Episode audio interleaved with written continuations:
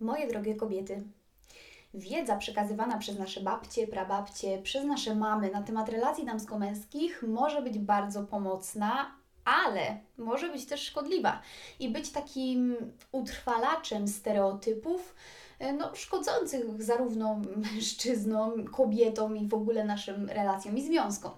I dlatego chciałabym Was namówić do tego namówić, namawiać właściwie do takiej właściwie regularnej, e, systematycznej praktyki poznawania tego, co mają do powiedzenia na ten temat psychologowie, psychoterapeuci, naukowcy, którzy po prostu e, zajmują się tego typu e, sprawami. A ponieważ żyjemy w czasach, w których mamy bardzo dużo możliwości, możemy, mamy praktycznie nieograniczony dostęp do, do wiedzy poprzez internet, poprzez różnego rodzaju książki i nawet teraz kiedy szaleje koronawirus, możemy zamówić książkę do domu, no to y, myślę, że powinniśmy z tego korzystać. Ja przygotowałam dzisiaj książki o mężczyznach dla kobiet.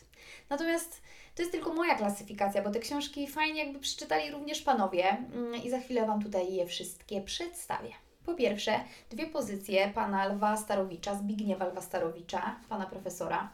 Jedna z nich to jest y, o mężczyźnie, a druga on pytania intymne. No i te książki w pewien sposób y, tak naprawdę są do siebie podobne, bo jedna i druga to jest y, prowadzona w formie rozmowy między Krystyną Romanowską a panem y, Zbigniewem y, Starowiczem, panem profesorem. I tutaj pani Krystyna z punktu widzenia kobiety, z perspektywy kobiety, zadaje pytania, które mm, dotyczą do męskiej seksualności w książce On pytania intymne, a jeśli chodzi o książkę e, o mężczyźnie, to również jego zachowań, nie tylko tutaj tej sfery seksualnej. Kolejna rzecz, e, którą, książka, o której kiedyś już wspominałam, jest to instrukcja obsługi faceta.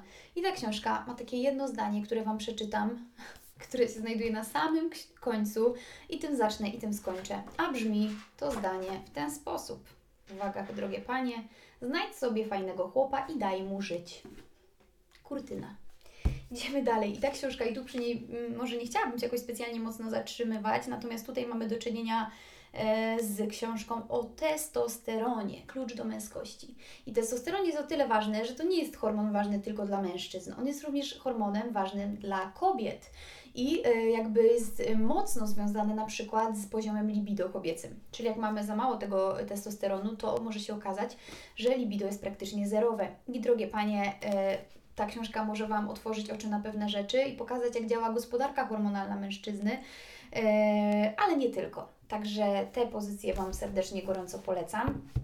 Wszystkie znajdziecie w Empiku. Także e, miłego czytania, miłej lektury i, i do usłyszenia.